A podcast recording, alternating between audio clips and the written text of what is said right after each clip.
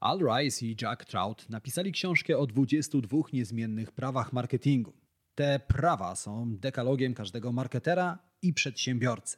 Jeżeli nie znasz tych praw, albo znasz, ale chciałbyś je sobie odświeżyć, to jesteś w dobrym miejscu, bo w tym odcinku podcastu Marketing z głową opowiadamy właśnie o 22 niezmiennych prawach marketingu. Zaczynajmy. To jest podcast Marketing z głową. Źródło wiedzy dla przedsiębiorców, handlowców i marketerów, czyli dla osób, które chcą sprzedawać lepiej i chcą sprzedawać więcej. Zaprasza Łukasz Chodorowicz. Zanim zaczniemy, pamiętaj, że więcej informacji o tym, jak zrozumieć klienta, jak robić lepszy marketing i jak więcej sprzedawać, znajdziesz w moich newsletterach. Tak, są dwa. Jeden darmowy, drugi płatny. Linki do obu znajdziesz w opisie tego odcinka podcastu. Zerknij, poczytaj i dołącz do tysięcy przedsiębiorców, marketerów i handlowców, którzy co tydzień dostają zastrzyk wiedzy, dzięki której ich firmy rosną jak na drożdżach. Witam Cię w 74. odcinku podcastu Marketing z Głową. Jeżeli jesteś tutaj po raz pierwszy, to musisz wiedzieć, że w tym podcaście zaglądam do głów Twoich klientów i szukam odpowiedzi na ważne pytanie: jak klienci kupują? Dlaczego to robię? Dlaczego mnie to interesuje? Ponieważ dzięki temu pomagam Ci robić lepszy marketing i pokazuję, jak możesz sprzedawać więcej produktów i usług. A wiedza, którą w tym podcaście dzielę się z Tobą całkowicie za darmo, pochodzi z badań na temat marketingu, badań na temat psychologii oraz mojego doświadczenia w pracy z firmami takimi jak Twoja. W 1993 roku Al Rice i Jack Trout napisali książkę o 22 niezmiennych prawach marketingu. Choć książka ma już 29 lat, informacje w niej zawarte, tak jak Krzysiu Ibisz, nie postarzały się ani o rok. Autorzy książki są amerykańskimi marketerami, uważanych za współczesnych guru marketingu. Wystarczy powiedzieć, że w 2007 roku Al Rice został uznany za jednego z dziesięciu najważniejszych ludzi marketingu. A prawa, o których piszą autorzy, są marketingowym dekalogiem, który każdy marketer i przedsiębiorca powinien znać. Prawa ułatwiają nawigację na bezkresnym oceanie biznesu i pomagają bezpiecznie dotrzeć do portu, który nazywa się sukces. Poza tym prawa pomagają złapać szerszą perspektywę w marketingowym pejzażu i często tłumaczą to, co możesz zaobserwować na swoim i na innych rynkach. Na przykład, dlaczego Toyota zdecydowała się rozpocząć produkcję drugiej marki samochodów Lexus, albo dlaczego niegdyś wielka Nokia upadła. Wobec tego przyjrzyjmy się wszystkim 22 niezmiennym prawom marketingu i zastanówmy się, jak te prawa mogą pomóc Tobie. Pierwszym prawem jest prawo pierwszeństwa, które mówi nam o tym, że lepiej być pierwszym niż lepszym. A marka, która jako pierwsza pojawi się na rynku ze swoim produktem lub usługą, zagarnia największą część tego rynku. Innymi słowy, tak już jakoś dziwnie mamy, że najlepiej pamiętamy marki, które były pierwsze. No bo spójrz, kto wymyślił pierwszą jednorazową maszynkę do golenia? Gillette, prawda? A kto był drugi? Nie mamy pojęcia. Kto wymyślił pierwsze urządzenie do kopiowania dokumentów? Xerox. A kto był drugi? Również nie mamy pojęcia. Ale prawo pierwszeństwa ma zastosowanie nie tylko do produktów i usług. Działa również na marki osobiste. Spójrz, kto jako pierwszy odbył lot samolotem? Bracia Wright, prawda? A kto odbył drugi lot samolotem? Tu już nie mamy takiej pewności. Albo kto był pierwszym człowiekiem, który postawił swoją stopę na księżycu? Neil Armstrong. A kto zrobił to jako drugi? No właśnie. Najlepiej pamiętamy marki, produkty, ludzi, którzy byli pierwszymi. Ale to prawo uczy nas również, że nie warto czekać. Jeżeli możesz być pierwszym na swoim rynku, nie czekaj, aż Twój produkt stanie się idealny. Działaj. No dobrze, ale to prawo coraz trudniej wykorzystać, no bo coraz mniej mamy rynków, na których możemy być pierwszymi. Co powinniśmy zrobić w takiej sytuacji? powinniśmy skorzystać z drugiego prawa marketingu. Drugie prawo marketingu, czyli prawo kategorii, mówi o tym, że jeżeli nie możesz być pierwszy w danej kategorii, to ustanów nową kategorię, w której możesz być pierwszy. Spójrz, iPhone absolutnie nie był pierwszym smartfonem na rynku, ale stał się pierwszym smartfonem bez klawiatury. Steve Jobs doskonale wiedział, że już za późno, żeby iPhone stał się pierwszym smartfonem na rynku. Ten pociąg już dawno odjechał. Ale Steve Jobs wiedział również, że wystarczy stworzyć nową kategorię rynku i ją zająć. I tą nową kategorią stały się smartfony bez klawiatury. Dlatego jeżeli chcesz otworzyć restaurację, ale w Twoim mieście są już inne restauracje, otwórz pierwszą restaurację z chińskimi daniami. W ten sposób stajesz się pierwszym. A co jeżeli nie możesz albo z jakiegoś powodu nie chcesz być pierwszą marką na rynku? Wtedy skorzystaj z trzeciego prawa marketingu.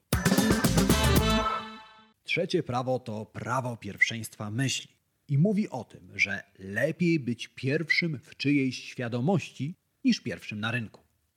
To prawo uważane jest za jedno z najważniejszych praw marketingu. Mówi, że marka nie musi wcale zajmować największych udziałów na rynku, aby odnieść sukces. Wystarczy, że zajmie pierwsze miejsce w głowach swoich klientów. Ostatecznie wygrywa produkt, który klient uważa za najlepszy.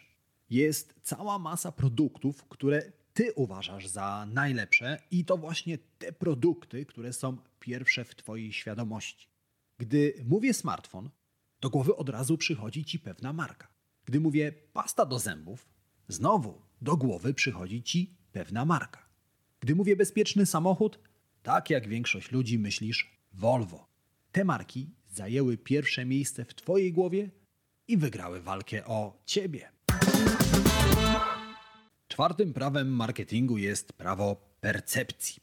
I ono, podobnie jak poprzednie prawo, mówi nam o tym, że walka o klienta nie jest walką na produkty, ale walką na postrzeganie tych produktów. Znowu mówimy o percepcji, o tym, jak klient postrzega produkt. Ostatecznie na rynku nie wygrywa najlepszy produkt, ale ten, który klient uważa za najlepszy. I to prawo to znowu dowód na to, że produkt nie musi być idealny, ale Twoi klienci muszą uważać, że rozwiązuje ich problem i że jest w stanie im pomóc. Spójrz, gdy Apple prezentował pierwszego iPhone'a, telefon był daleki od ideału. Oprogramowanie szwankowało, miało całą masę błędów, a telefon gubił zasięg. Steve Jobs jednak doskonale wiedział, że pierwszy iPhone nie musi być idealny. I zamiast odwołać prezentację, zamiast wysłać sztab programistów, aby ulepszyć oprogramowanie, poprosił jednego programistę, żeby dokonał delikatnej modyfikacji oprogramowania i ustawił zasięg smartfona na sztywno, tak żeby bez przerwy pokazywał cztery kreski zasięgu. Reszta jest tylko historią. iPhone odniósł sukces, ale nie dlatego, że był idealnym smartfonem, tylko dlatego, że tak postrzegali go jego klienci. Piąte prawo marketingu to prawo koncentracji. I mówi, że najważniejszą sprawą w marketingu jest zawładnięcie jakimś wyrazem w świadomości potencjalnych klientów. I spójrz, znowu mówimy o świadomości, znowu mówimy o tym, aby zawładnąć czymś w głowie konsumenta. Właśnie dlatego w podcaście Marketing z głową tak dużą uwagę przykładamy do tego, co dzieje się w głowie konsumenta. No ale dobrze. Piąte prawo prawo koncentracji. Prawo koncentracji mówi, że wygrywają marki, które precyzyjnie, niczym wiązka lasera, koncentrują się na jednym słowie, które w efekcie staje się synonimem tej marki. Google skupia się na dostarczaniu swoim użytkownikom najlepszych wyników wyszukiwania Tę koncentrację widać nawet w tym, jak wygląda sama wyszukiwarka. Po prostu biała, na wskroś minimalistyczna strona z jednym miejscem na wpisanie wyszukiwanego hasła. W rezultacie nie mówimy dziś znaleźć coś w wyszukiwarce, tylko wygooglować. Z kolei Volvo koncentruje się na bezpieczeństwie, dlatego Volvo stało się synonimem bezpieczeństwa. prawo koncentracji mówi o tym, że ty również powinieneś znaleźć jedno słowo, które ma szansę stać się synonimem Twojego produktu, usługi, Twojej marki, a następnie powinieneś na tym słowie skoncentrować się. Prawo szóste to prawo wyłączności i mówi o tym, że jeden wyraz wspomniany w poprzednim prawie może w świadomości potencjalnego klienta kojarzyć się tylko z jedną marką. I znowu, weźmy na przykład Volvo. Tylko jeden samochód kojarzy się z bezpieczeństwem. Oczywiście na rynku są inne, równie bezpieczne, a może nawet bezpieczniejsze samochody niż Volvo. Ale to tylko Volvo zajmuje to słowo w głowach większości konsumentów. Jeżeli głębiej się nad tym zastanowisz, to wyda ci się to bardzo logiczne. No bo wyobraź sobie, że w Twoim mieście są dwie restauracje, które chcą utożsamiać się z najszybszymi dostawami posiłków. Tylko jedna z tych restauracji może być najszybszą restauracją w mieście.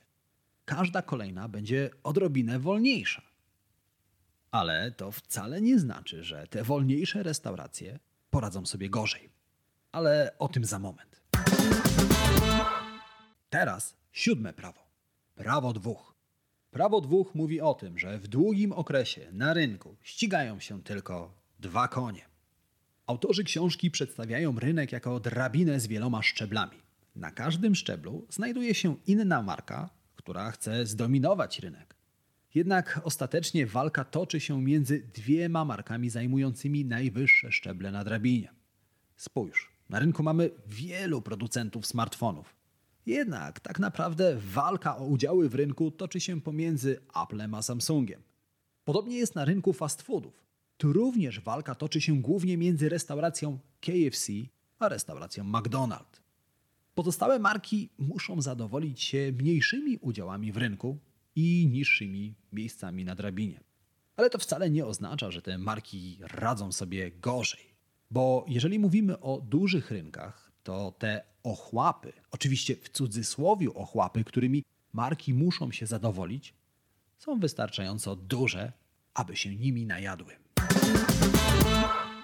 Ósmym prawem marketingu jest prawo przeciwieństwa. Prawo przeciwieństwa mówi, że jeżeli chcesz zaatakować lidera w danej kategorii, tego, który zajmuje najwyższe miejsce na drabinie, to nie próbuj stać się lepszym od niego.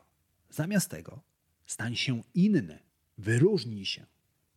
Świetnie z tego prawa skorzystała marka Impost. Marka Impost, rzecz jasna, starała się zdominować rynek przesyłek.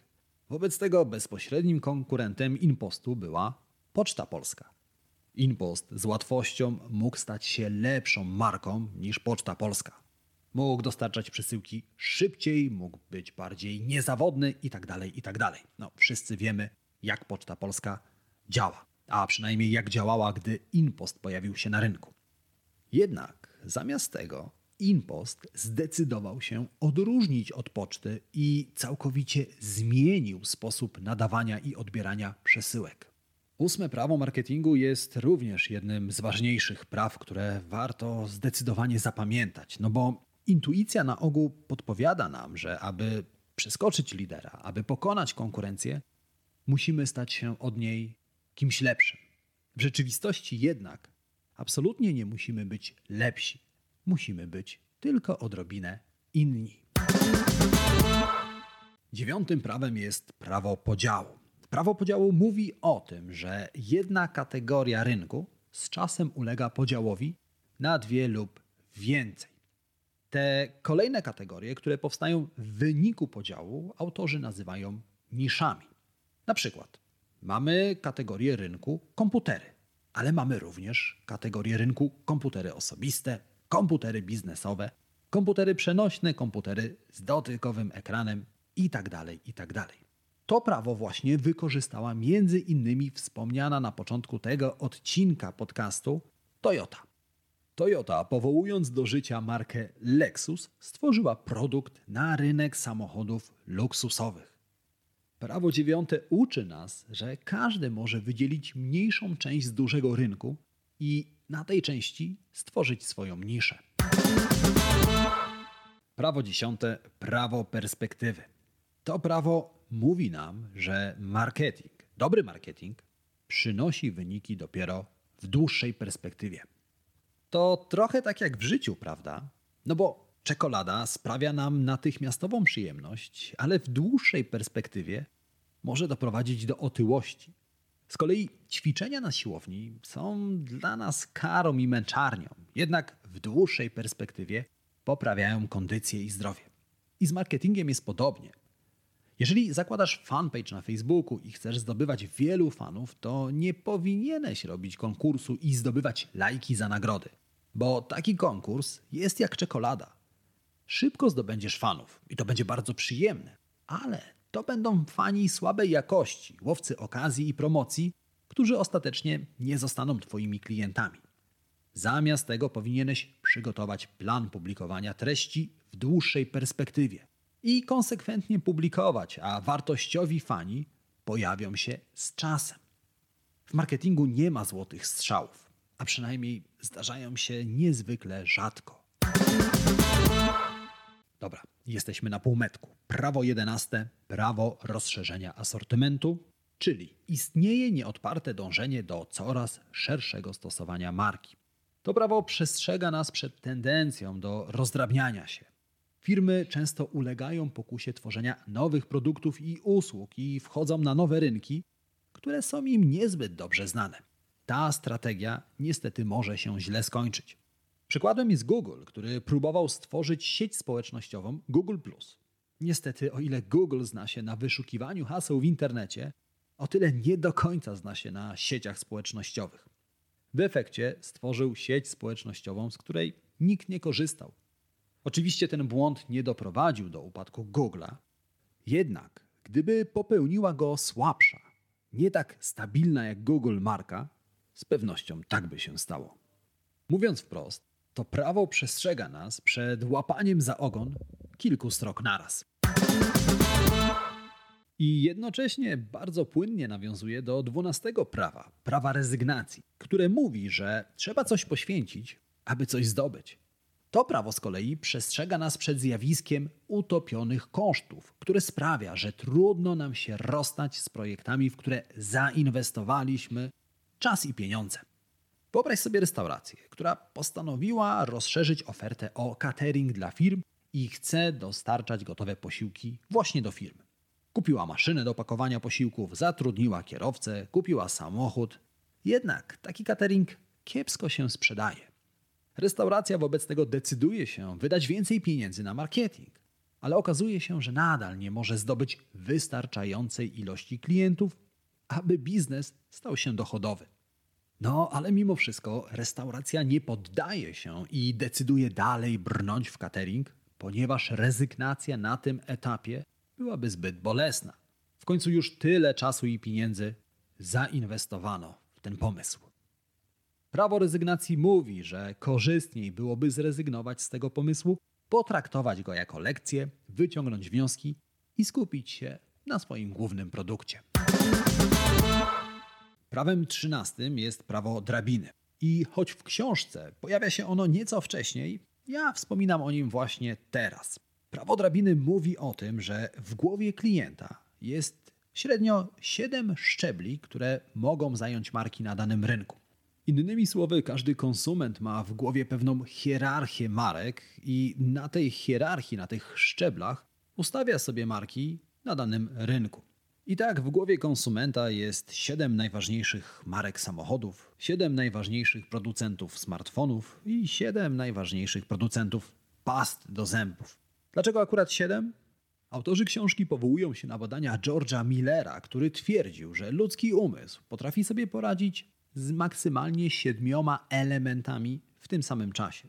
Innymi słowy, jesteśmy w stanie zapamiętać maksymalnie siedem rzeczy. To najprawdopodobniej dlatego mówimy o siedmiu grzechach głównych, siedmiu samurajach, siedmiu cudach światach, a królewna Śnieżka prowadzała się z siedmioma krasnoludkami.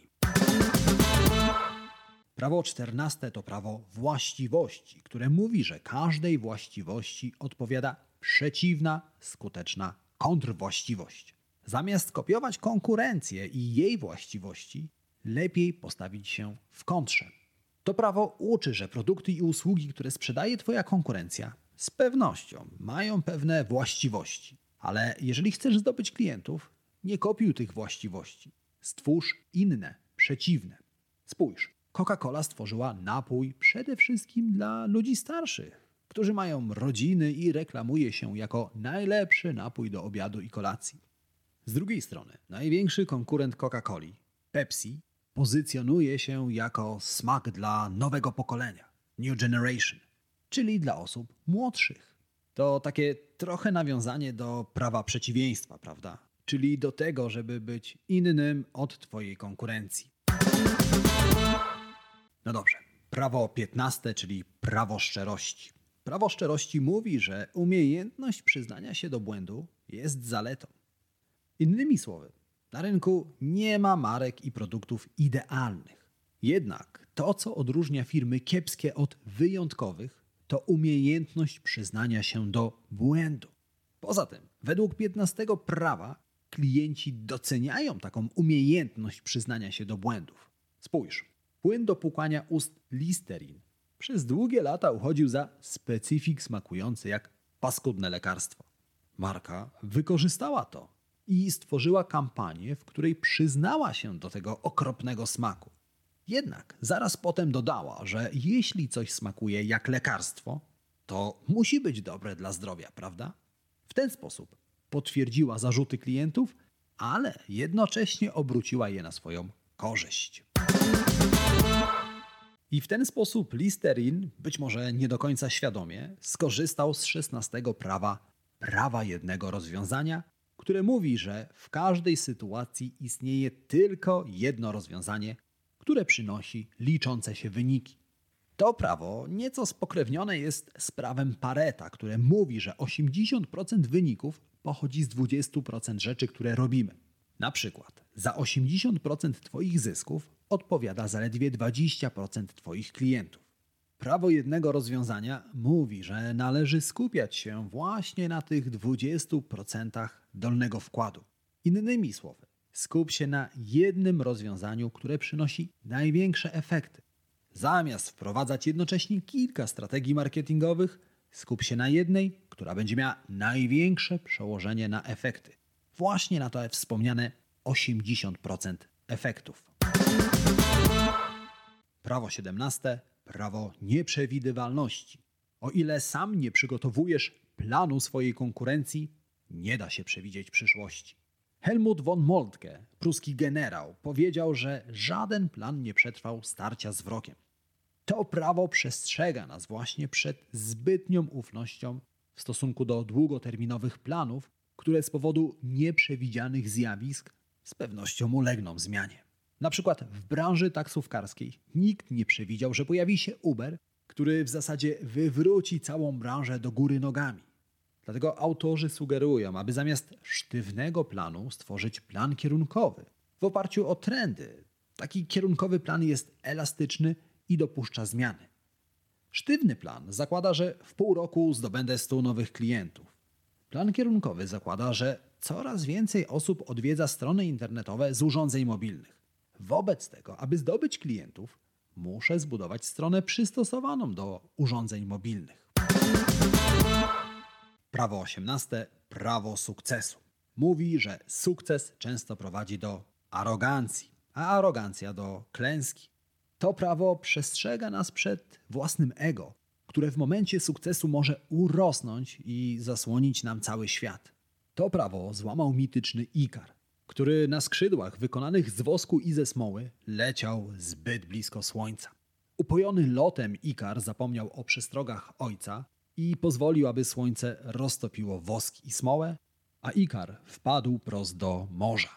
Zdaje się, że o tym prawie nie słyszała również Nokia, która była tak pewna swojej pozycji na rynku telefonów komórkowych, że przestała inwestować w innowacje, przestała się rozwijać i w efekcie została w tyle za konkurencją. Prawo 19. Prawo niepowodzenia. Mówi, że należy oczekiwać niepowodzeń i godzić się z nimi. Porażki i niepowodzenia zdarzają się. Prędzej czy później przytrafią się i tobie. Powinieneś się na to przygotować, również mentalnie, i w momencie niepowodzenia nie załamywać się. Zamiast tego należy podejmować ryzyko, spodziewać się porażek, ale nauczyć się wyciągać z nich wnioski. Wiele firm traktuje niepowodzenia jako powód do wstydu. To trochę tak wynika z naszej kultury. Jednak prawda jest taka, że bez porażek nie ma postępu i nie ma sukcesu. Dlatego powinniśmy nagradzać i doceniać ludzi, którzy popełniają błędy. Bo to oznacza, że ci ludzie, te firmy, te marki coś robią i się starają. Prawo 20, prawo przesady. Czyli sytuacja często wygląda inaczej niż przedstawia to prasa i media. Telewizja, prasa, internet podają przesadzone fakty na temat marek. Słyszałeś o tym, że media zniekształcają rzeczywistość. To prawo przestrzega właśnie przed tym. Autorzy książki twierdzą, że w rzeczywistości im większy szum próbuje wokół siebie wzbudzić marka, tym gorzej sobie radzi. W latach 80. Coca-Cola wprowadzała na rynek napój, który miał stać się nową Coca-Colą New Coke. Nowej, poprawionej recepturze i premierze towarzyszył medialny szum. Marka wydała ponad 100 milionów dolarów na kampanię. Jednak napój okazał się porażką. Klienci nie polubili nowego smaku i w ciągu kilku miesięcy Coca-Cola wróciła do starej receptury.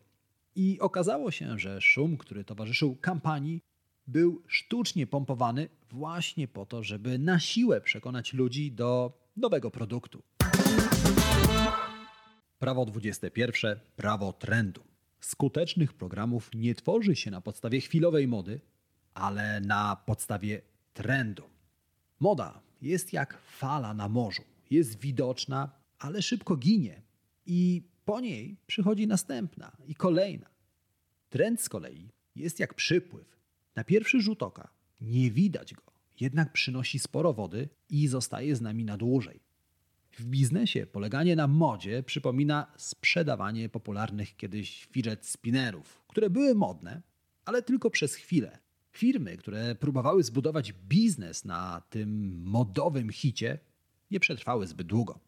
Z drugiej strony, podążanie za trendami oznacza na przykład sprzedaż etui do smartfonów. Tu raczej w najbliższym czasie nic się nie zmieni. Nadal będziemy używać smartfonów, nadal będzie ich coraz więcej na rynku. Wobec tego taki biznes przetrwa dłużej niż biznes oparty o modę. Ok. I prawo 22. Ostatnie prawo marketingu, czyli prawo zasobów, które mówi, że żaden pomysł nie ruszy z miejsca bez dostatecznych zasobów finansowych. W nieco bardziej dosadnej wersji to prawo mówi nam, że lepszy jest słaby pomysł z milionem dolarów na marketing niż genialny pomysł bez złotówki. Steve Jobs i Steve Wozniak mieli świetny pomysł na biznes.